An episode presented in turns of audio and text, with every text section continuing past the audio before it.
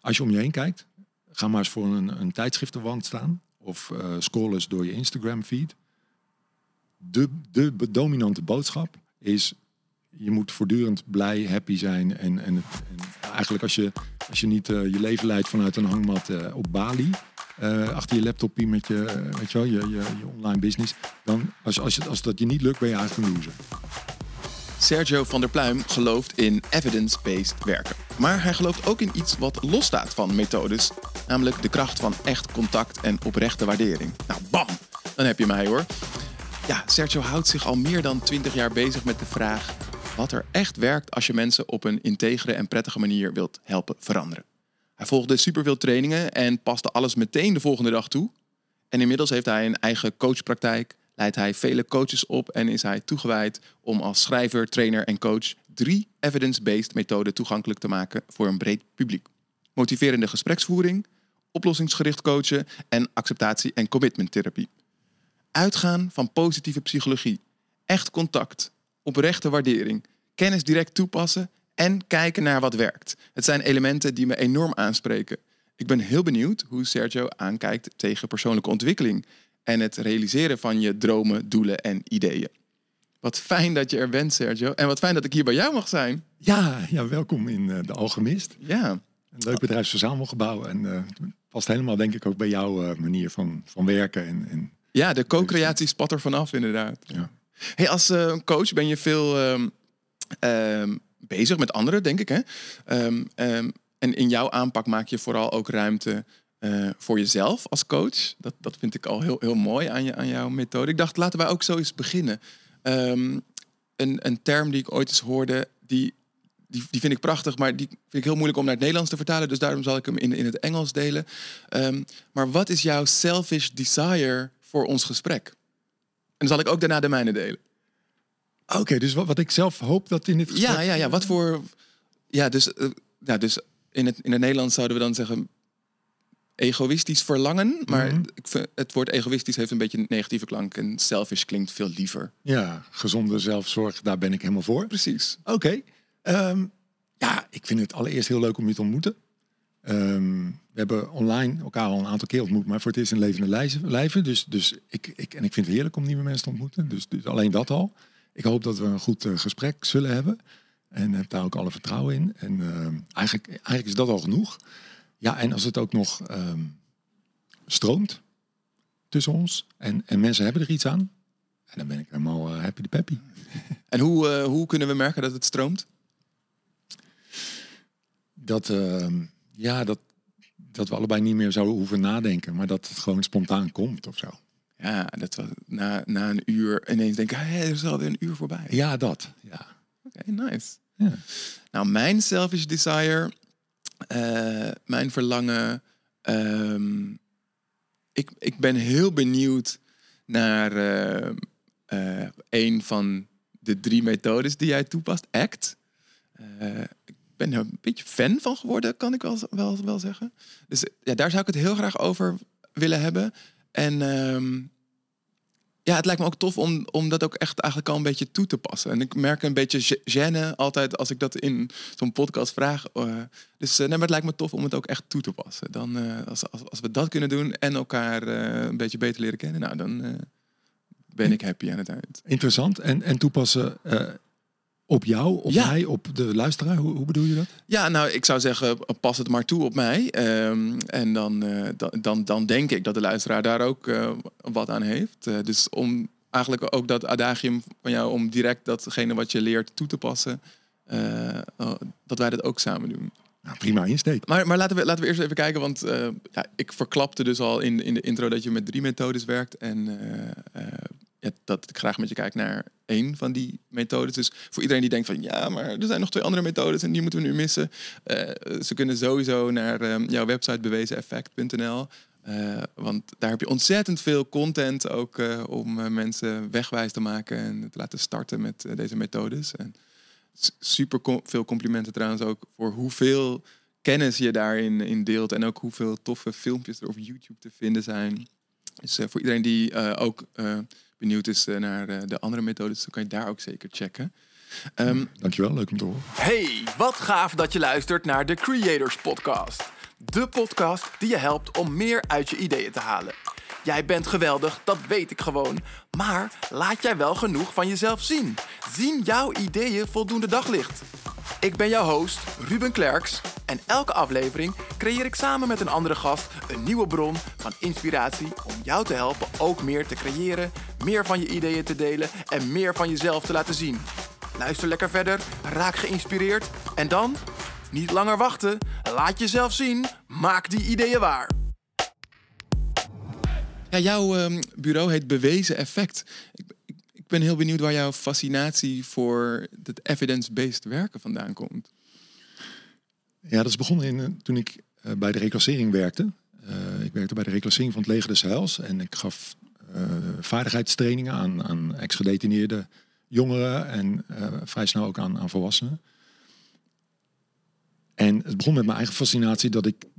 Ja, ik was enorm bevlogen in die tijd. Echt zo'n zo'n jonge hond die dacht... Oh, ik wil gewoon... Die mensen hebben zulke zware levens. Weet je, als je die verhalen hoort, joh. Er is geen, weet je, er is geen crimineel die op zijn achtste denkt: wat ga ik eigenlijk, wat zal ik, wat wil ik worden later? Ja, ik word crimineel. Ja. Dat, snap je? Dus, dus mensen hebben een soort levensloop eh, met, ja, die vaak ge- getekend wordt door, door misbruik, verlating, verraad, armoede, eh, discriminatie. Ehm, dus als je die, die verhalen hoort, dan begin je te begrijpen waarom iemand soms keuzes maakt die helemaal niet verstandig zijn, die ook schadelijk zijn, maar die bijna wel logisch zijn in hun, in hun context of in hun levensloop. Dus ik was enorm bevlogen om eh, mensen echt te helpen veranderen. En ik was een beetje ontevreden met de, de methodiek van, van de reclassering van het leger des Heils van die tijd. En dan hebben we het echt over eh, bijna twintig jaar geleden. Dus ik ging zelf op zoek. En ik begon eerst, kwam ik bij NLP. En nou, daar vond ik wel wat sleutels. Maar ja, NLP was wel eh, voor, voor veel van die mensen... stond er toch ver van hun belevingswereld af. Dus dat sloeg ook niet, sloot niet helemaal aan. Want wat maakte dat, dat NLP zo ver weg stond? Ehm, en het kan zijn dat ik het niet goed toepaste. Hè? Ehm, maar kijk, NLP, zeker in die tijd, ging heel erg uit van de maakbaarheid der dingen. Ja. Maar als jij een heel leven achter je hebt waarin heel veel dingen niet maakbaar zijn gebleken. En eh, het leven met enorm veel tegenslagen is gekomen. Dan, dan word je bijna pissig als, als je dan met zo'n zo'n uber-positieve coach in Ja. gesprek raakt. Die zegt, nee, maar alles is maakbaar. En eh, als je maar echt gelooft, dan eh, weet je wel. En ik overdrijf gigantisch. Ehm, en, en NLP kent vrij exotische technieken. de Circle of Excellence en, noem maar op. En ankeren waar ja, de gemiddelde cliënt van de reclassering echt niet op zit te wachten. Dus ik merkte, de technieken zijn te exotisch. Ik heb iets nodig wat onder de radar blijft. Dus ik ging op zoek. En eh, op een gegeven moment kwam motiverende gespreksvoering in opkomst. En eh, zonder helemaal in die methode te gaan, want we gaan het over eh, ACT hebben. Maar dat was een methode die eigenlijk heel erg onder de radar bleef. Omdat als je er goed aan kijkt, is het gewoon echt een goed gesprek over verandering. Ja. In normale taal. Sterker nog, je kunt heel goed de taal van de ander ook volgen daarin. En waarin wel allerlei kwartjes vallen aan de andere kant. En waarin mensen eigenlijk ontdekken van, oh, wacht even. Ja, ik word inderdaad heen en weer getrokken tussen een engeltje en een duiveltje.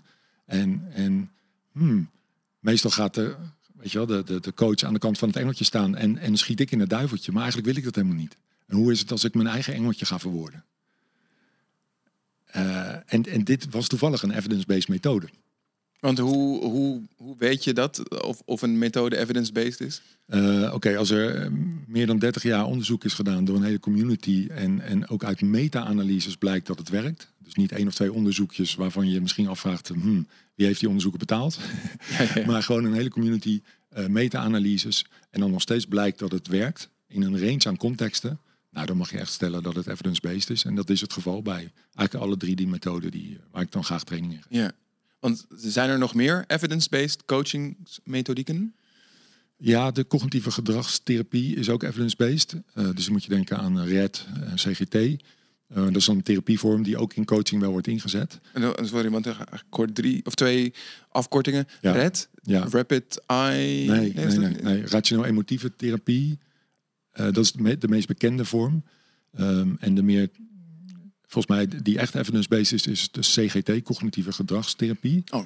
En het toffe van ACT is dat dat eigenlijk een next level daarvan is. en wat dan dat next level is, dat gaan we straks Ja, onderzoeken ja. uiteraard. Ehm, en mijn ervaring is als je die als je ACT kent, dan, dan wil je niet meer terug. Ja. Wat goed. Naar, naar, Ja. zeg maar, ACT is derde generatie, cognitieve gedragstherapie is tweede generatie. Gedragstherapie is eerste generatie. Eventjes heel erg chargerend hoor. Want, want als je dan kijkt naar. ehm, ik kan me voorstellen dat, dat je een methode tegenkomt waarvan je gewoon ervaart van hé, hey, dit doet iets, dit, Mhm. dit werkt. Ja. Maar wat maakt dan dat je, dat je dan ook nog doorzoekt naar het moet ook eh, een bewezen methode zijn. Dus wa- wa- wa- waarom is het als het werkt voor de cliënt of degene tegenover je of voor jezelf niet voldoende? Het ding is dat je niet goed weet of het echt werkt. Eh, Het kan voor jou werken als coach omdat je er zelf blij van wordt. Of omdat je het zelf ooit eens hebt ervaren dat het verschil maakte. Nou, super fijn. het kan zijn dat jouw cliënt heel blij weggaat. Maar dat geeft nog geen, geen enkele garantie dat, dat iemand ook zijn leven verandert. Ja. Je kunt iemand ook een feel-good gevoel eh, geven. Dat iemand denkt, ah ja, ik zie het helemaal zitten. Eh, wat ook bijvoorbeeld gebeurt na veel seminars. Ja. Ik zal geen namen noemen, maar er zijn seminars waar mensen helemaal enthousiast vandaan komen. Ehm, en het helemaal zien zitten. Maar een week later is dat enthousiasme weg en, en verandert er niks. Ja. Dus iets is pas, denk ik, interessant als het werkelijk zorgt voor gedragsverandering. En Ja. En ook op langere termijn. exact. Ja. Ja, en een motiverende gespreksvorm komt uit de verslavingszorg. Nou, je kunt je voorstellen, mensen stoppen niet zomaar met heroïne, alcohol, eh, andere drugs.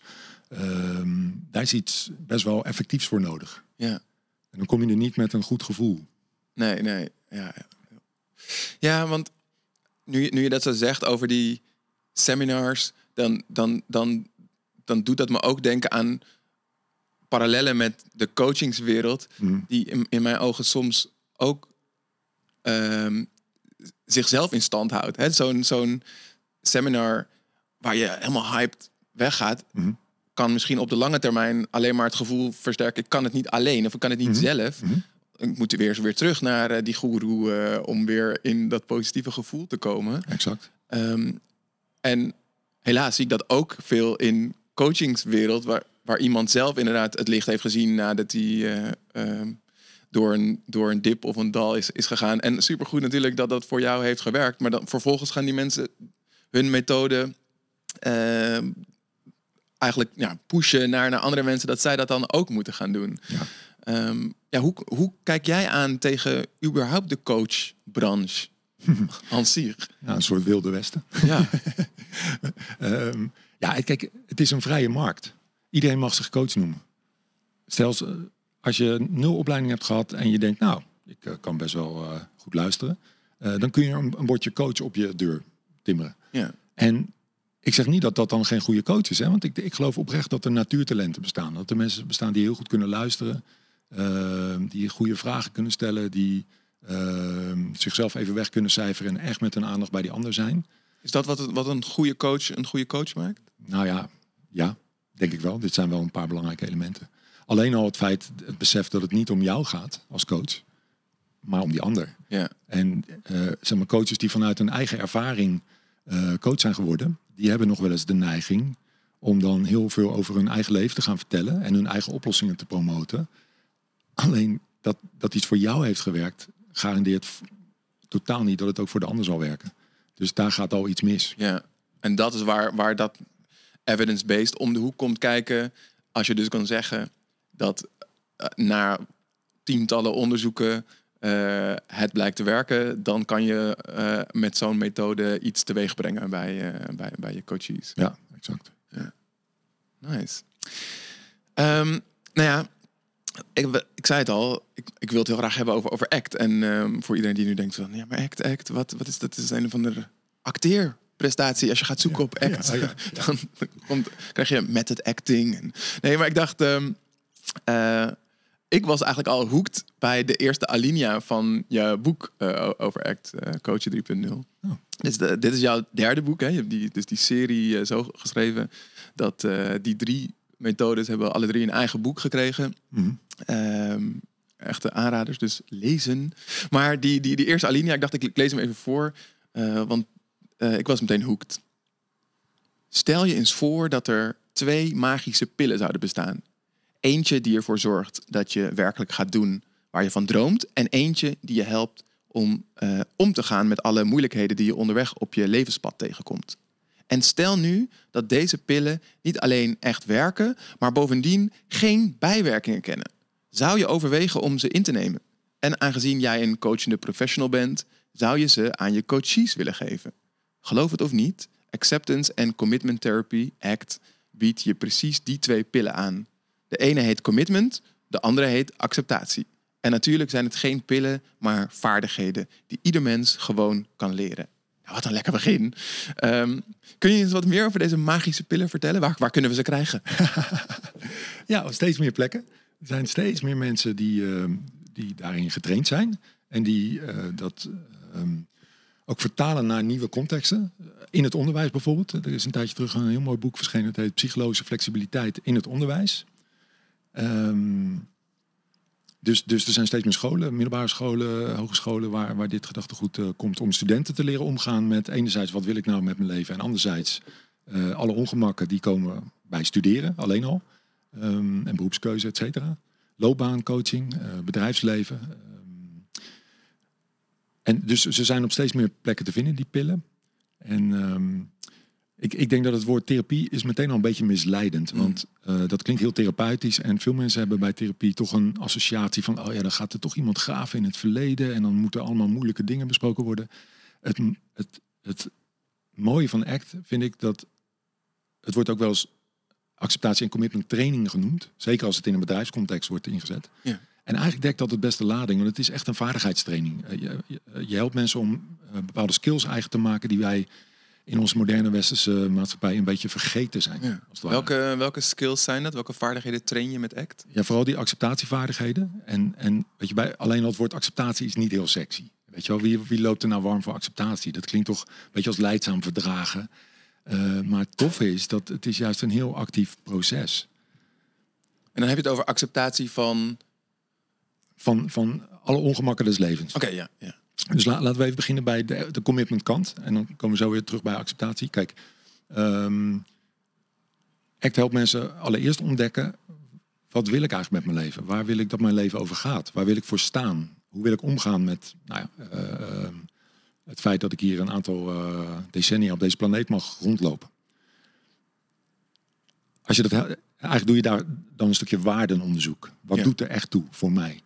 Als je het helder krijgt, kan je dat natuurlijk als een soort kompas voor het leven gaan gebruiken. Kan je helpen om door het leven te navigeren, om bepaalde keuzes te maken in, in werk, in, in de liefde, in, in vrije tijd, et cetera, gezondheid. Op het moment dat je die, die keuzes maakt, ontstaat er al een soort commitment.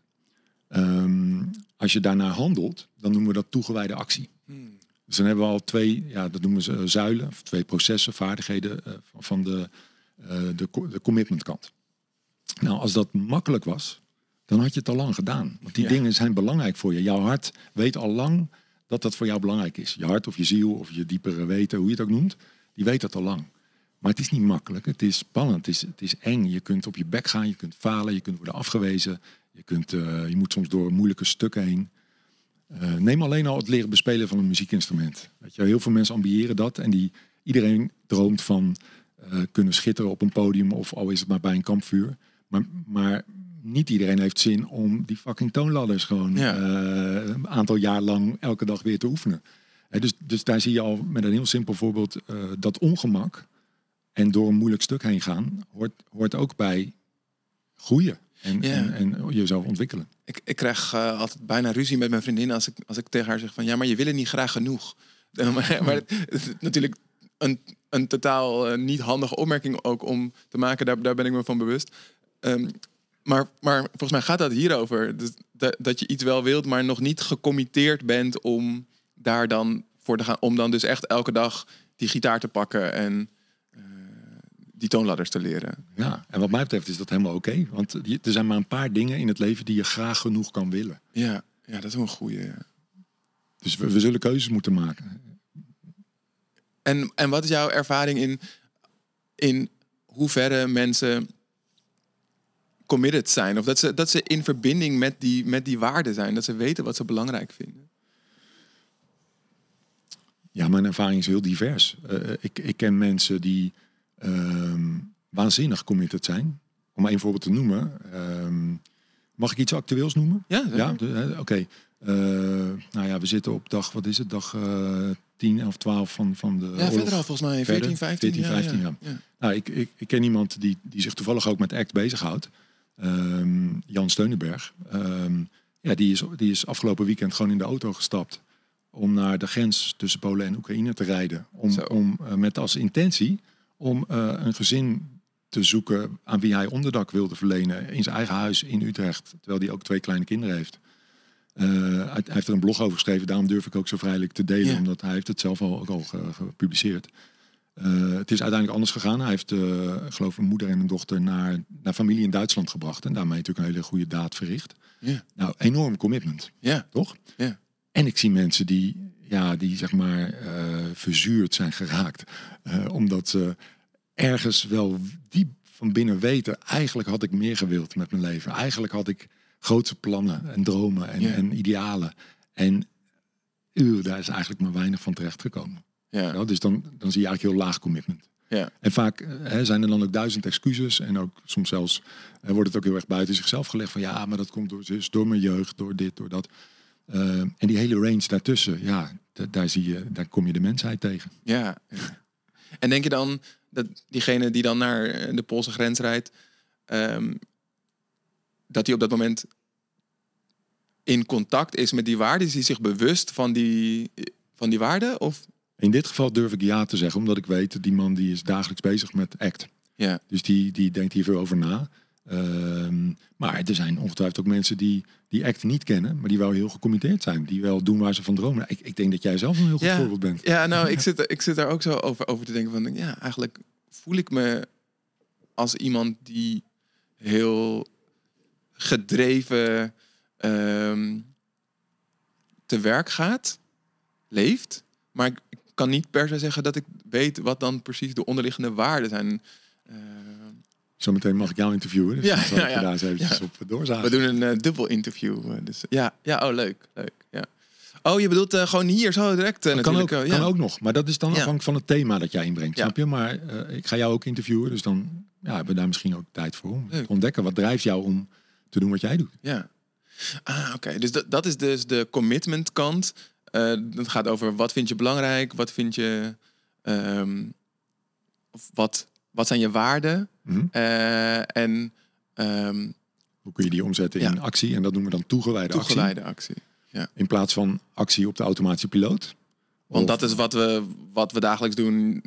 Naar, naar je werk rijden, in je auto stappen, naar je werk rijden. Dat is ook actie, maar niet per se altijd toegewijde actie. Nee, nee, dat kan. En je kunt heel gecommitteerd naar je werk rijden. Maar je kunt ook naar, naar je werk rijden van, oh ja, daar gaan we weer. Ja, Ehm, en dus het, het, het toegewijde actie wil ik graag contrasteren met leven op de automatische piloot. Of leven volgens de regels in je kop. oh ja, ja. Die zijn vaak niet zo heel inspirerend. Weet je? Nee. En het zijn soms of vaak regels van iemand anders. ja. Van, van, van je opvoeding of van de kerk of van, van, van wie dan ook. Ehm, niks mis met een kerk, maar wel als je denk ik slaafse regels volgt. Mhm. Terwijl ja, jouw hart misschien wel naar iets anders verlangt. Ja. ja, wat ik wel mooi vond, ik weet niet of jij dat ook ergens schreef, maar de- als je al kan bewegen van dat je iets moet naar dat je iets mag, Mhm. dat, dat je dan al goed dat onderscheid kan vinden. Dus of je inderdaad zo'n zo'n regel aan het volgen Mhm. bent of dat je iets doet waar jij blij van wordt. Ja. Ja, en act, eh, je zou kunnen denken dat act egoïstisch is, maar dat is niet zo. Want eh, heel veel waarden van mensen zijn juist ook compassie willen bijdragen, betekenisvol willen zijn, eh, willen ondersteunen. Ja. Dus Oh, het grappig dat je dat zegt. Ik, ik vind het helemaal niet egoïstisch klinken. Maar dat komt Ja. ook omdat mijn ervaring is dat op het moment dat je naar mensen hun waarden gaat doorvragen, dat in mijn ervaring komen er altijd ehm, waarden uit die gaan over in contact met elkaar. En ik ben nog bijna nooit een waarde tegengekomen die alleen maar over iemand zelf gaat. Nee, eens. Eh, ja. Oh, mooi. Dus dat, dat, dat, dat kan, kan je dus ook met ACT bereiken. Zeker. Ja. Misschien een waarde die wel over iemand zelf gaat, is, kan zelfexpressie zijn. Maar Ah, ja. dan nog wil je het, is dat ook samen. Want je, jij- je, je drukt jezelf uit in muziek, in tekst, in, in beeld, wat, wat je ook doet. eh, in de hoop dat, daar, dat je daarmee iets in iemand raakt. Of Ja, eh, je ook iets terugkrijgt van een reactie. Of dat je ontroering ziet. Of, of, of, of wat het ook is. Oké, dus dat is de commitment kant. Ja. En dan heb je acceptatie. Eigenlijk heet de methode eerder CAT dan ACT. Als we beginnen bij Ja, commitment. eigenlijk wel, ja. Oh, dat is wel leuk dat je dat zegt. Eh, heerlijk hoe je dan met woorden speelt. Eh, en toch houden we act in stand. Waarom? Uiteindelijk gaat het om doen. Dus je kunt nog zoveel lullen, nog zoveel Ja. ideeën hebben. Eh, als jij niet gaat doen waar je van droomt, gaat het never nooit gebeuren. Ja. Nou, dat hoef ik jou niet te vertellen, want onder elke mail van jou staat: eh, maak, maak je dromen waar of maak Ja. je ideeën waar. Hè? Dus, dus eh, dat gaat daar ook over. Ehm, Oké, dus zal ik iets vertellen over de Ja. acceptatiekant? Ja. Nou, zoals ik al zei, is het, gaat het niet over leidzaam verdragen, maar het gaat over actief je toewenden naar je ongemak. En eh, dat eh, omvat twee aspecten, eigenlijk denken en voelen. Ehm makkelijkst is denk ik om te beginnen bij denken. Ik denk dat we allemaal wel eh, het fenomeen kennen dat zodra je overweegt om iets te gaan doen wat je echt de moeite waard vindt, dat er dan allerlei beren op de weg komen. Dat er, dat er dan een stem is in je kop die, die zegt, ja, maar dat lukt jou toch niet. Of wie denk je wel niet dat je bent? Of wat zal er straks gebeuren? Straks, wat zullen anderen ervan vinden? Misschien word ik afgewezen, misschien mislukt het, misschien faal ik. En dat weerhoudt sommige mensen. En nou, in de, je had het straks over de coachingwereld. In de coachingwereld is het heel erg mainstream om dan te zeggen, ja, maar dan eh, laat je je belemmeren door je gedachten. Dan kun je beter positieve dingen denken, dingen, dingen die wel helpen. Ja. Lijkt heel logisch, hè? Alleen het probleem is dat wij niet zo gek veel invloed hebben op ons denken. Nee. En eh, eh, misschien dat als luisteraars nu, nu, nu verbaasd zijn, dan wil ik een kort experimentje doen. Ehm, ja, we kennen allemaal het roze olifantje, maar er zijn meer leuke oefeningen. Ehm, ja, stel je voor, deze heb ik trouwens ook van Jan. Eh, de, de gemiddelde luisteraar zal een fiets hebben. En breng even je fiets in gedachten. Zie hem voor je. En denk aan de kleur en de vorm, et cetera. En probeer nu het beeld van jouw fiets te laten verdwijnen. Gewoon, je hebt geen fiets meer, je hebt geen idee hoe die eruit ziet. Weg, fiets is weg. De kans dat dat lukt is vrij klein. Dat lukt niet, hè? blijf hem zien, ja. nee, ja, ja. Nu ga ik je iets anders vragen. Ehm, kijk weer naar je fiets en verander de kleur. Spuit hem in gedachten in een totaal andere kleur. Van je keuze. Oké. Ik zie je knikken, dus Ja. bij jou lukt dat. Eh, rek nu je fiets uit, maak hem twee keer zo lang. Ja? Leg nu een knoop in een van de buizen. Een van de stangen van je fiets. Ik zie je knikken, allemaal gelukt? Ja. Oké, top. Wat, wat leren we hieruit? We kunnen niet een, een gedachte die we niet fijn vinden, of een nare herinnering, of een, iets wat je niet wil denken, een belemmerende gedachte, kunnen we helaas niet wegtoveren. Hm, Je kan het niet ontdenken. Nee, Ja. dat kan misschien even, als je heel erg je best doet, kun je even aan iets anders denken. Maar als, als jij echt een belemmerende gedachte hebt of een nare herinnering of iets wat je liever niet wil denken, het, het zal komen. Het zal Ja. terugkomen. Helaas hebben we gewoon niet zo gek veel. Dat weten we echt uit onderzoek. We hebben er niet zoveel invloed op. Maar je hebt net ook ervaren, je kunt wel spelen met je gedachten. Je kunt wel iets toevoegen. Je kunt eh, dus dingen bijvoorbeeld herkaderen of Ja. reframen. Of eh, je kunt ook kijken naar je denken. Want jij knikte net, dus jij wist van jezelf... hé, hey, ik heb een knoop in, in een stang van mijn fiets gelegd, zojuist. Ja. Dat weet je. Dus er in jou is ook een waarnemer die dat kan constateren, die dat ziet. Dat noemen we dan het observerende zelf in Ja. act. En eh, waar gaat nou heel veel mis? Op het moment dat mensen heel erg geïdentificeerd zijn met hun belemmerende gedachten... ja, dan, dan, dan word je eigenlijk door die gedachten rondgecommandeerd. Die zijn Want- de baas over jou. Want heb, je- heb je een voorbeeld van wat het betekent als je geïdentificeerd bent met je gedachten? Eh, ja, in, in ACT noemen we dat gefuseerd, dus als het ware versmolten. Dus ehm, heb je een voorbeeld? Ja, eh, je, je denkt dat je wel mensen kent die, die bijvoorbeeld als je eh, met ze in gesprek bent, die dan zo heel erg zeggen: Ja, maar dat is toch logisch? Dat vind jij toch ook? Dat zou jij toch ook doen? Als ik, als ik zo met jou praat, dan weet jij, ik ben helemaal versmolten met mijn gedachten. ja, ja. Ik kan niet afstand nemen en bedenken: Oh, je kunt ook. eh, Het is ook ben- maar een ge- gedachte van mij. exact, ja, er zijn nog andere gedachten. Exact. Ja, en, en mijn gedachten zijn niet de hele waarheid. En sommige gedachten helpen wel, maar heel veel gedachten helpen niet. Evolutionair goed te verklaren. Hè, we willen overleven, we, willen, we zijn bang voor schaarste, we willen bij de groepen, bij de clan blijven horen. Daar, ons brein is een beetje geprogrammeerd in die zin. Dus dat is een ja, soort erfenis. Ehm dan ben ik even de draad. Ehm, ja, ik, ik ook. Ik, ik merk dat ik nog bij. Ja, we zaten bij de, bij, de, bij de fiets. Dus dat je de gedachten wel ja, kan, ja. kan Oh ja, ja, aanpassen. dat je ermee kan spelen. Ja, ja. Oh ja, en, en ehm, nou, een, praktisch voorbeeld. Stel, nou, neem maar eventjes iets wat je graag zou willen bereiken. En wat voor jou echt de moeite waard is. En denk dan aan een gedachte die jou daarbij in de weg zou kunnen staan. Die op zou kunnen komen en je misschien ervan zou kunnen weerhouden om het ook echt te gaan doen. Hè, ik noemde straks al voorbeelden van, goh, ja, maar straks mislukt het. Of wat zullen anderen er wel niet van vinden? Of wie ben ik dan Ja. om dat te doen? Zoiets. Ehm, stap 1 is, is dat je eventjes ehm, je voorstelt dat je helemaal één bent met die gedachte. Je gelooft die gedachte voor 100%. Die gedachte is de hele waarheid. En check even wat dat doet met je, met je, met je, ja, je lichaam. Hoe voel je je daarbij? Hoe voel jij je daarbij? Ik word er een beetje verdrietig van. Ja. Ja. Ja, Oké, dus het is niet heel erg empowerend dit. Nee. Nee, oké. Dan ga ik. Dan begint nu de act variant. Oké. Dus dit was even identificatie met. Dat Ja. heb je een beetje ervaren zo. Eh, nu wil ik je vragen om een zinnetje ervoor te plakken voor die gedachte. En dat zinnetje luidt: Ik heb de gedachte dat. En dan volgt dat, dat, dat het toch niet lukt. Zoiets. Hè? Vul maar je eigen gedachte in. Ik heb de gedachte dat, puntje, puntje, puntje.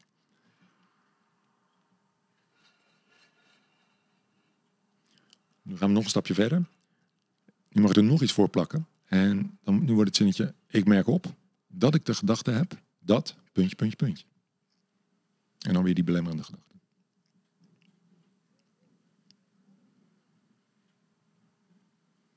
Welk verschil maakt dat voor jou? Die, die, de eerste versus de tweede versus de derde? Ik voel sowieso al veel meer afstand tot de gedachte. Ik geloof hem al niet meer. Of ik ben al aan het onderzoeken van... eh, eh, maar waar slaat het eigenlijk op dat Ja. ik dat denk? Ja. Dat, dat ik die gedachte heb? Ja. Dit noemen we diffusie in ACT. Dus fusie is versmolten of gefuseerd zijn met je, geïdentificeerd zijn met die gedachte. En door deze twee stapjes ontstaat er afstand en raak je als het ware gedefuseerd. En het mooie is dat je dan ja, die gedachte kan zien voor wat die is. Ja. Niet meer dan woorden en plaatjes in de mind. Niet de hele waarheid, niet de baas over jou. Eh, iets wat oppopt en wat je gewoon kan laten komen en gaan. Je bent lekker aan het luisteren en wees gerust, deze aflevering gaat ook zo weer verder. Maar zoals het zo vaak gaat, vergeten we in de waan van de dag wat echt belangrijk voor ons is. Vind je deze podcast leuk? Maak het jezelf dan gemakkelijk door de podcast te volgen of je te abonneren. Klik op volgen of abonneer, zodat je zeker weet dat je volgende afleveringen niet mist. En nu, gauw verder luisteren.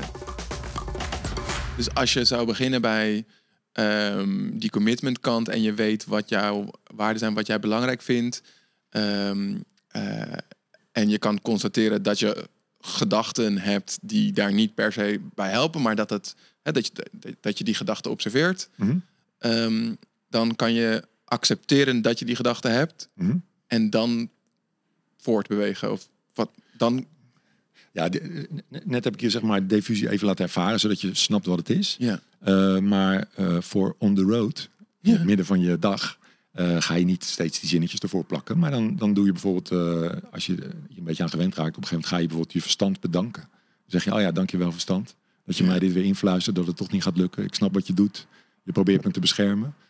En maar de korte versie is dat je gewoon zegt, oh ja, dankjewel uh, verstand. Of thanks mind. In het Engels klinkt die lekkerder. Thanks mind. En dan ga je gewoon doen wat je wilde ja. doen. En wat je hart je influistert. Oh, nou wat goed. Ja, nou voor de, voor de vaste luisteraars die weten dat ik eh, helemaal met ehm, de methode van liberating structures werk. En daar is een liberating structure, dat noemen ze dan eentje die in development is. Dus dat is nog eentje die, die nog niet zo evidence-based is als, eh, als de basisset. Eh, en die heet Tiny Demons.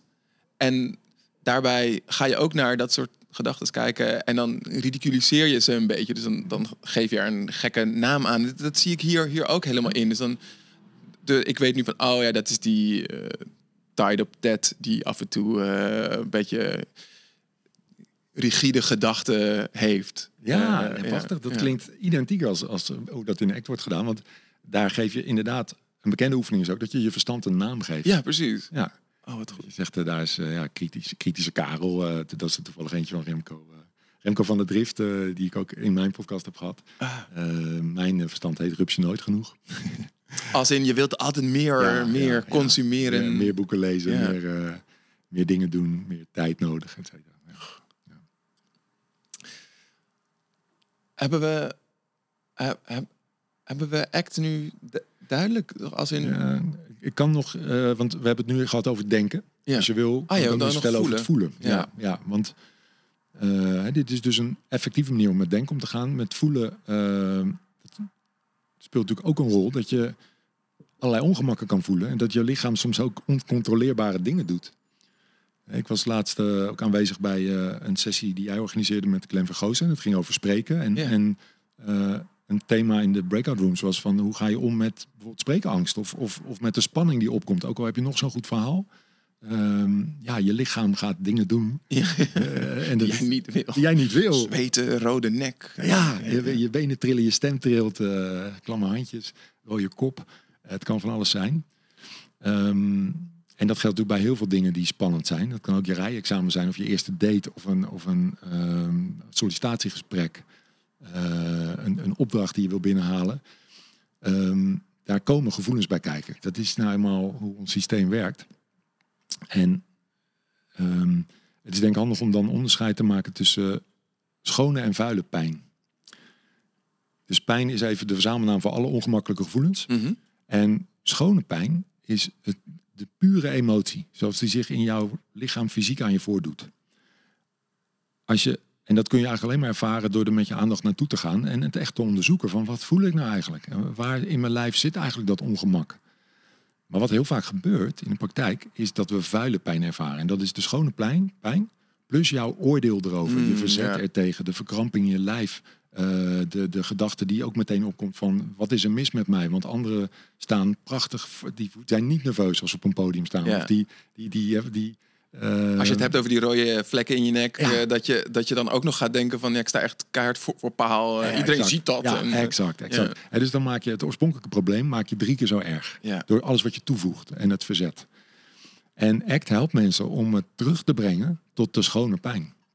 En mijn ervaring is dat die is vaak prima te verdragen. Ja. Niet leuk, het wordt nooit leuk. Pijn Dan, dus pijn. dan, dan, dan leer je te kijken naar van, oh, ik krijg rode vlek in mijn nek. eh, punt. Ja. Of- ja. Ja, ja en, en dit is wie ik ben. En eh, ja, ze moeten me maar nemen met mijn rode vlekken.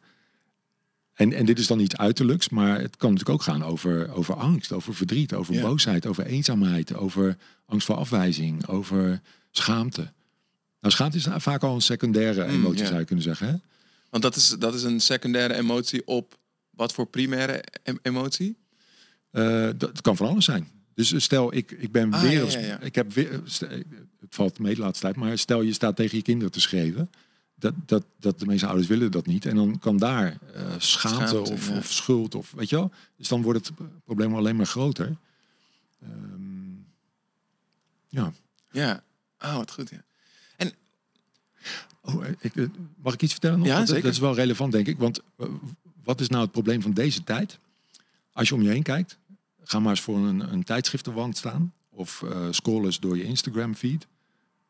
De, de dominante boodschap is... je moet voortdurend blij, happy zijn. En, en, en eigenlijk als je, als je niet eh, je leven leidt vanuit een hangmat eh, op Bali... eh, achter je laptopje met je, weet je, wel, je, je, je online business... dan als, als, als dat je niet lukt, ben je eigenlijk een loser. Ja.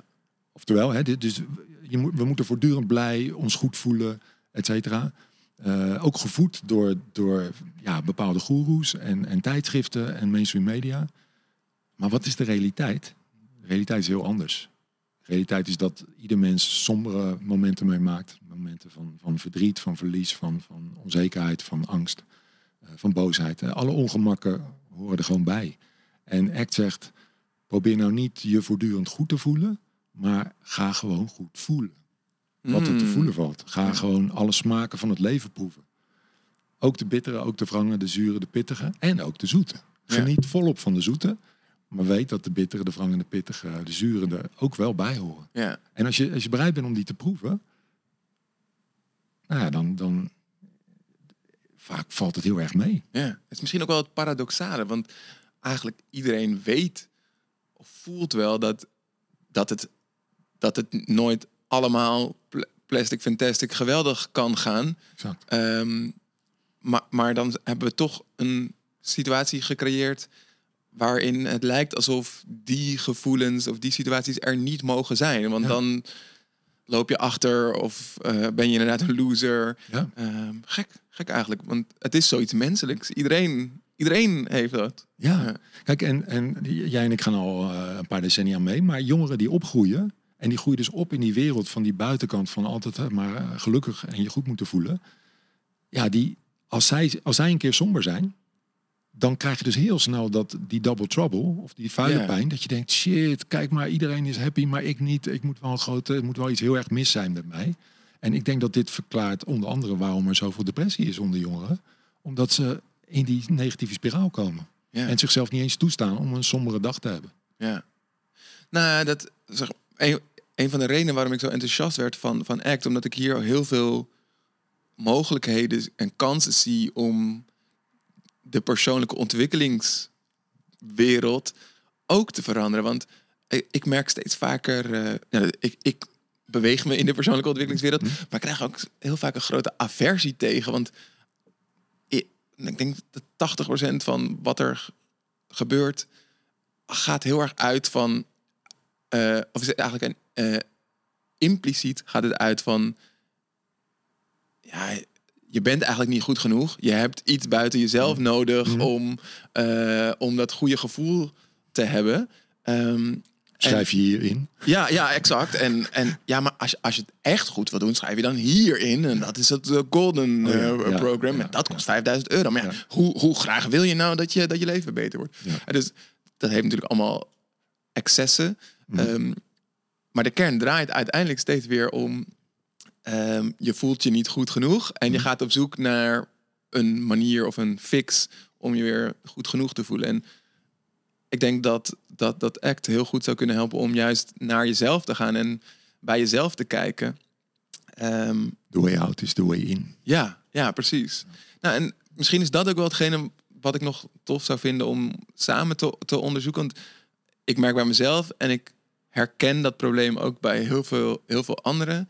Dat ehm, de tijd en de rust nemen om inderdaad naar binnen te gaan, dat is iets wat we, denk ik, heel vaak ontvluchten. Nou, ik doe het in ieder geval, kan ik eerlijk over zijn. Mhm. Ehm, eh, mijn, mijn, mijn honger, die, die, die, die jij ook beschrijft om heel veel te lezen, is eigenlijk ook een vorm daarvan. Want dan ben ik allemaal andere dingen aan het lezen. Terwijl ik kan ook gewoon gaan zitten en bij mezelf kijken. Ja. Ehm, ja, hoe, hoe, hoe zouden we ACT in kunnen zetten om, om inderdaad ook te helpen om naar binnen te gaan? En misschien een zelfonderzoek te doen. Ja, mooie vraag. Ehm, sowieso is, is mindfulness een onderdeel ook van ACT. Eh, ik zei er straks al, ACT is next level ten opzichte van de cognitieve gedragstherapie. En wat is dan het verschil? Vooral mindfulness. Dus dat je ehm, de waarde ziet van het, het trainen van je aandachtspier. Nou, hoe train je die? Inderdaad, door af en toe even geen, geen afleiding om je heen. Eh, een moment van stilte. En ja, weet je, de een vindt meditatie fijn. En die gaat inderdaad elke dag tien minuutjes zitten op een stoel. En, en die, die doet zijn ogen dicht of, of open. En die focust op zijn ademhaling of, of op, op geluiden of fysieke sensaties. Allemaal prima. En, en er zijn ook heel bewegelijke types. En ik, ik hou zelf ook van bewegen. Dus die, die wandelen. Ja. En nou, een simpel voorbeeld. Ik, ik, ehm, eh, ik wandel elke dag. Eigenlijk een van de eerste dingen die ik doe nog voor het ontbijt. En ik neem me altijd voor. Ik luister heel graag naar podcasts. Onder andere die van jou trouwens. Eh, maar ik neem altijd voor. De, de heenweg of de eerste helft van de wandeling is altijd in stilte. Ja, wat goed. Ja, dus als ik een half uur loop, begin ik met een kwartier stilte. En dan kan ik echt even mijn eigen, ge- mijn eigen spoor volgen, mijn eigen gedachten. Wat leeft er bij mij? Wat is mijn intentie voor de dag? Ehm et cetera. En eh, nou, vaak ben ik na een kwartiertje daar ook voor klaar mee. en dan eh, sta ik mezelf toe om een lekker een inspirerende podcast te luisteren of een stuk muziek. En, dan, en dat zijn gewoontes die, ja, als je dat een tijdje doet, wil je niet meer zonder. Nee. Maar dat, maar dat, maar dat begin, want, want wat jij beschrijft is eigenlijk al een ehm gebeitelde gewoonte. Wel, ja. Ja, maar, maar juist dat beginstuk van hoe, Ja. hoe, hoe bouw je zo'n gewoonte? Want ik, ik, heb, ik heb hetzelfde gehad. Ik heb in, ooit nam ik me voor, als ik me in het publieke domein begeef, wil ik geen oortjes of koptelefoon Mhm, hebben. mhm. Omdat ik merkte van het staat het persoonlijke contact met andere mensen in de weg. Eens. Maar als ik heel eerlijk ben, komt het denk ik meer dan de helft van de gevallen voor dat ik toch mijn oortjes indoe. Ja. Ehm, ja, hoe, hoe, hoe zou ik dan dat, die, die stap kunnen maken? Want ik vind het dus wel belangrijk. Ja. Dus aan die commitment kant. Ja, het begin heel klein. dat is het tof ook van ACT. ACT zegt, eh, oké, doe onderzoek naar je waarden. Ga die in de praktijk brengen. En dat mag heel klein beginnen. En, en ik weet, je hebt het wel eens genoemd 15% solutions. Hè? Ja. Dus hè, voor mij mag het 1% zijn. Dus als jij zegt, oh, ik wil meer stilte of bezinning of, of weet je wel, eh, rust in mijn leven. Maar ik vind het moeilijk. Ik vind vijf minuten te lang. Prima. Begin met één minuut. Ja. En kijk hoe dat is. Weet je wel, Eh, check bij jezelf van, hmm, is die minuut nou echt zo leeg, eng eh, als, als die lijkt? Of is het eigenlijk ook ergens wel fijn? Even een minuutje niks aan je kop en gewoon even gewoon zijn met wat er is. En misschien dat je denkt, hmm, nou, morgen twee minuten. En ja, nou ja, tel maar uit. Over 15 dagen zit je op een kwartier. Ja, Als je wil. ja, ja precies. Zolang Ja. dat prettig voelt. En, en ja, in, in, de, in de mindfulness training, de officiële, die achtweekse, die ook dan weer bewezen effectief is, daar wordt aangeraden om drie kwartier per dag te mediteren. Dat is natuurlijk super lang. En dan mediteren als in echt helemaal in, in stilte. Want over mediteren zijn, zijn ook nog wel verschillende gedachten. Je hebt nu zo heel veel van die apps die zijn helemaal hip en happening. Maar er Ja. zit nog steeds iemand in je oor te Ja, praten. en die allemaal dingen erin zitten. Nou ja, dat is bij de officiële mindfulness training ook wel, omdat je hebt in het begin wel iemand nodig die je er een beetje doorheen begeleidt, als het ware. Eh, maar het klopt, na een tijdje, dat heb ik zelf ook wel, word je, ben je die stem zat. Dus als je eenmaal snapt wat de bedoeling is en hoe meditatie grofweg werkt, ja, dan wil je helemaal geen stem meer in je oor. Dan wil je gewoon stilte of ja, gefluit van de vogels vind ik heerlijk 's morgens. Ja. Dat is genoeg. En ik zet altijd een wekkertje. En, en, en, en mijn punt is, eh, de officiële versie is drie kwartier, maar dat is ontzettend lang. En ik heb dat ook ooit wel gedaan, maar op, op dit moment in mijn volle leven begin ik elke dag met vijf minuutjes. Ja, En, en de grap is, ik zet dan een wekkertje op vijf minuten. En vaak denk ik na vijf minuten, hm, best wel lekker. Ik, blijf, ik doe, doe nog vijf minuten, snap Ja. je? Dus, dus, maar dat heb ik liever, dat het spontaan ontstaat. ja. Dan dat ik met, met, met klemmende kaken en ko, ik moet vandaag weer mediteren een half uur, want dat heb ik met mezelf afgesproken. Ja, ja. wie wil het nou? Ja, ik kan me ook niet... Ja, volgens mij doen heel veel mensen het wel zo, maar... Ja. eh, ja, Hou het, hou het licht, hou het leuk en, en wees flexibel, weet je wel. De ene dag heb je maar vijf minuten, hè. morgen heb je misschien een kwartier. En pas Ja. het ook aan aan de rest van je, van je leven. Dat kan gewoon. Ja, wat heeft, wat heeft ACT en misschien nog wat die andere evidence-based methodes jou gebracht op het gebied van persoonlijke ontwikkeling? Heb je even? ja, ik kan oprecht zeggen, ik, ik, had, ik was nooit voor mezelf begonnen. Na twintig jaar loondienst. Dat, ik ontdekte ACT in een periode dat ik eh, echt een beetje vast wa- was gelopen. Met, met, ik had veel op mijn bordje. Ehm, ik, ik zat in een team met heel veel spanningen. Ehm, voor mijn gevoel was ik de enige die het hele plaatje overzag. Door bepaalde ervaringen die ik daarvoor had, had opgedaan. Ehm, het ministerie van Justitie en Veiligheid keek over onze rug naar wat we aan het doen waren. Eh, de hele organisatie keek naar wat we aan het doen waren. Dus er zat heel veel spanning op. En dat in combinatie met een jong team en we moesten nieuwe dingen ontwikkelen. En, en heel veel onduidelijkheden in het management. Dus we hadden ook geen duidelijke structuren. En we hadden ook nog tijdsdruk. Nou, dit is best wel veel hè. Ja, En in diezelfde periode werd mijn tweede kind geboren. En die lag in, binnen twee weken in het ziekenhuis. Met een, nou, iets aan zijn maag. En, ehm, en ik zat ook al niet helemaal lekker in mijn vel voordat dit alles begon. Ja, het- toen ben ik burn-out geraakt. Althans, dat wist ik toen niet. Maar ik, ik viel gewoon in slaap na elke maaltijd. Maar dat is natuurlijk wel een beetje raar voor een jonge volwassen vent. En, ehm, en toen ben ik gaan soul searchen. Wa- wa- Wat, gebeurt hier? En, en hoe ga ik zorgen dat dit nooit meer gebeurt? En ehm, in die periode ontdekte ik ACT. En nou, dat gaf me de tools om te onderzoeken van... Oké, oh, oh, je kan waardenonderzoek doen. Hmm, interessant. Wat, waar verlang ik naar? En wa- wat heb ik gemist in, in mijn werk zoals het er nu is? En er kwamen een paar dingen heel duidelijk bovendrijven. Creativiteit, kunnen uitdrukken. Vrijheid. En, en verschil maken, betekenis. En, en daarvan had ik alle drie echt te weinig in mijn huidige werk op dat moment. En toen dacht ik, ja, zit maar één ding op. Ik moet voor mezelf beginnen. En het is natuurlijk bizar dat, dat iemand vanuit een burn-out besluit om en te gaan verhuizen en een eigen bedrijf te starten naast een baan en een jong gezin. Dat is niet een recept waarvan je zegt, Nee. nou, dat moet iedereen doen met een burn-out. En voor mij werkte het. Want het ging weer stromen. ja. En het begon echt heel klein. Het begon letterlijk met, met mindfulness training geven in een buurthuis in een achterstandswijk in Rotterdam. Eh, en ik had alleen maar eh, dames tussen de 60 en de 75 die daaraan meededen. En ze betaalden 5 euro per avond. is niet echt een verdienmodel waarmee je, een eigen, waar je van kan leven, zeg maar. Maar dat, voor mij, het ging stromen. Ik deed het met zoveel lol. En ik zag die dames opleven. En in no time bleek dat ze een wandelclubje met elkaar... dat ze rondom uh, een bepaalde plas in Rotterdam gingen wandelen. En, en ik, ik had zoiets van, wauw. Ik voel, ik ervaar vrijheid. Ik doe dit gewoon naast mijn baan. Ik, ik kan heel veel creativiteit in kwijt. Uh, en ik maak verschil. Super tof. Dus Ja. ik begon te stromen. In no time zat ik weer mijn energie. En toen dacht ik, ja, ik, ik moet gewoon echt voor mezelf gaan beginnen. En dat ben ik gaan doen. En eh, nou ja, dat is alweer twaalf jaar geleden. En, en nu alweer zes jaar leef ik fulltime van, van trainen en coachen. Nou, dat was nooit zo gelukt zonder ACT. Nee, Dat durf ik wel te stellen. omdat ACT je op het, op het pad bracht van toegewijde actie. Ja, en me de tools gaf om de moed te ontwikkelen om dit te doen. Ah, dat, vind ik, dat vind ik een mooie dat je het zegt. Want er is dus een manier, er zijn tools om de moed te ontwikkelen. Want wat we, wat we heel vaak horen van... Ja, je moet het gewoon doen. Of eh eh, moet tonen. Ja, ja Makkelijk hoe dan? Ja, ja Maar, maar, maar ACT biedt die tools. absoluut. Oké, kan- Heb je een voorbeeld van zo'n tool die jou heel erg heeft Nou ja. ge- geholpen? Nou, die- heb ik al gedeeld. Dus, dus eh, om het even te, samen te vatten. Kijk, moed ontwikkelen is eigenlijk omgaan met angst. Ja, ja dus, dat- dus dat is dat stukje. Je, je accepteert dat die angst er is. In Exact. plaats van dat je ervoor gaat wegrennen of het gaat wegstoppen. Exact. Ja. En, en dus, dus eh, eh, als je de moed nog niet hebt, dan staan er waarschijnlijk twee dingen in de weg. Gedachten die je ervan afhouden en gevoelens of emoties die je ervan afhouden. Waarschijnlijk iets met angst. Ja. Of onzekerheid of, of weet je wel.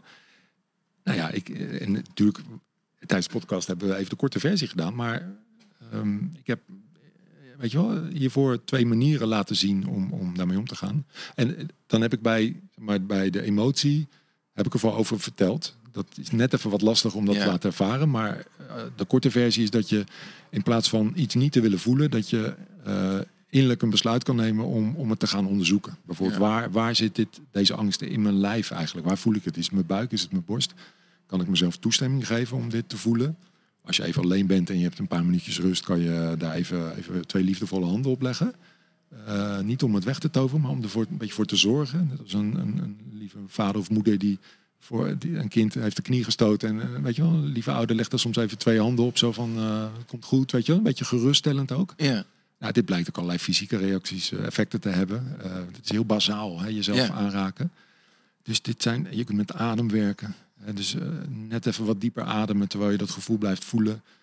Eh, net iets rechterop gaan zitten, zodat je het gevoel een beetje ruimte geeft. Maar ze hebben allemaal één ding met elkaar gemeen, namelijk dat het gevoel er mag zijn. Ja. En dan wordt vuile pijn vaak na een tijdje wat meer schone pijn. En dan kan het gaan stromen. En dan zul je ervaren dat het vaak heel snel verandert. Het ene moment ben je een beetje bang of ongerust. Het volgende moment ben je misschien verdrietig. Dan ben je weer blij. Dan, dan nou ja, snap je? Ja. Want gevoelens die stromen als je ze de kans geeft. Ja. Wat mooi. Welke, welke dromen, doelen of ideeën heb, heb jij nog? Ehm, ja, dat is heel apart. Eigenlijk ben ik heel erg happy. Eh, eh, je zou kunnen zeggen... Dat is wel heel heb- apart. Ja. Dat is apart, hè? Ik zit tegenover iemand die gewoon happy is. Kan dat nou? De clue komt nog. Eh, het ding is dat ik mijn eigen droom heb ik verwezenlijkt. In de zin dat ik, ik geef training in dingen waar ik voor 100% achter sta. En ik kan er heel veel creativiteit in kwijt. En ik ervaar de vrijheid die, waar ik naar verlang. Eh, ik, ik heb de indruk dat ik verschil maak. Ja. Wat, wat heb- heeft een man nog meer nodig? Of een, een mens? Ehm, alleen, ik heb ook een, een relatie. Ik ben getrouwd met Marloes. En ehm, we hebben samen geconcludeerd dat zij haar droom nog niet heeft ver- verwezenlijkt. En dus op dit moment is haar droom meer leidend. Ja, en, goed. en zij, ja, zij droomt van ehm, wat meer in, in het groen wonen, wat meer eh, eh, weg uit de, de Randstad. Ze zit veel in de, in de auto en ervaart veel agressie in het verkeer en is daar helemaal klaar mee. En, en, en, en ook zij wil betekenisvol zijn. En ze is in opleiding tot systeemtherapeut. En ehm, heeft echt ook ervaring met, met hele zware cliënten. Ze heeft vijf jaar bij het meldpunt kindermishandeling gewerkt. Toen dat nog zo heette. En met gezinnen gewerkt waar mishandeling plaatsvond. Dus ze heeft behoorlijk wat skills ook in huis. En, en zij wil heel graag een soort plek creëren. In ieder geval ergens een beetje waar het, waar het, waar het groen is en waar rust is. En, en eh, misschien een, een, een, oude boerderij opknappen. Eh, ze is op dit moment naar een, een klein oud kloostertje in Frankrijk zelfs aan het kijken. Oh, wauw. En, ehm, en, en ook iets creëren. En ja, ik vind ook dat zij aan de beurt is nu. Dus, dus mijn droom, of haar droom, is ook een beetje mijn droom. Want ik gun haar dat en het lijkt me een groot avontuur. En eh, natuurlijk, eh, voor mij staat als een paal boven water dat mijn bedrijf moet blijven bestaan en, en, en blijven lopen.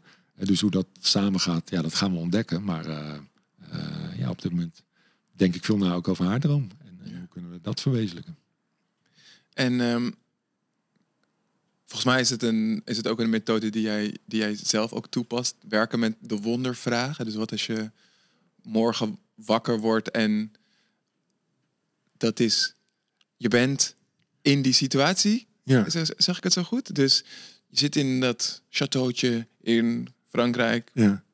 Wat is er dan anders? Is, zeg ik het zo goed? Ja, Dat, eh, ja, ja. Wil je En, dat eh, ja, het, het- leuk trouwens, om dat, dat kunnen mensen niet, niet zien. Maar jij grijpt met je handen naar je buik Oh. voordat je antwoord ga- Oh, gaat geven. Dus dit antwoord komt uit de buik van.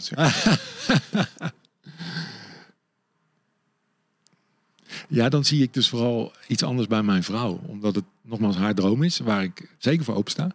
Maar dan ehm, zie ik haar heel erg bezig. En, en in, in, in eh, ja, hoe ik haar het allerleukste en mooist vind. Dat ze blij is en, en, en dingen creëert. En, en dat ze eh, ideeën heeft en, en eh, zin heeft in de dingen. En actief is. Ze heeft best een zware periode achter de rug. Eh, met haar moeder is overleden vorig jaar. En, en ze heeft gewoon ook een hele ja, moeilijke tijd achter, de rug. Dus ik gun haar gewoon heel erg dat ze weer vol in de levensenergie staat. En dat zie ik dan gebeuren. Ja, En daar, ja, daar vind ik mijn weg wel in. Komt wel goed. wat goed. Ja. Nou, ik zie, je wel, eh, ik zie jullie wel daar eh, in, in, in Frankrijk of waar goed. en welke mooie je boerderij. uitnodigen. Ja. Ja. Als, er, als er geschilderd moet worden, dan weet ik je te vinden. Nee, dat- dat- ik vind dat altijd een, hele goeie. Want ik weet nog dat wij eh, ons eerste zoon kregen. En toen gaf iemand ons de gouden tip. Ja, op het moment dat je kinderen krijgt, dan, dan bieden mensen allemaal hulp aan. En je zegt altijd van ja, ja, het goed. En bijvoorbeeld dan gaat over oppassen. Ja. Maar heel weinig mensen maken daar ook daadwerkelijk gebruik van. Maar doe dat nou gewoon. Dus Ja. als, als mensen die hulp aanbieden, is dat niet voor niets. En je houdt alleen maar jezelf tegen door dan te denken, ja, maar diegene heeft toch geen zin om nu te komen helpen. Verhuizen of verven in dit geval. Ja. Eh, ja, dat hebben ze wel, want ze hebben dat gezegd. Dus vraag het gewoon. Ja, en je ont- als je het niet doet, ontneem je iemand anders ook het plezier van, van bijdragen. Precies. Ja. Dus ik moet straks verven in. Alleen als je er zelf zin in hebt. Ja. Dan gaat ik- zal ik tegen die tijd kijken. Dankjewel, Sergio. Graag gedaan. Ja, ook bedankt. Leuke vraag. En heb je lekker kunnen luisteren? Wil je nou in actie komen en meer doen met ACT? Ga dan naar onze website creatorscompany.nl en bekijk en luister welke creatorsvraag en oefening Sergio nog voor je heeft om jouw waardeonderzoek te starten. Als je zoekende bent naar wat je nou wilt in je leven of daar meer vorm aan wilt geven, ga je dit zeker waarderen. En bezoek ook Sergio's website bewezeneffect.nl. In de volgende aflevering spreek ik met Cyril Kortleven, internationaal topspreker over verandering en de change mindset die daarvoor nodig is. Tot de volgende Creators Podcast.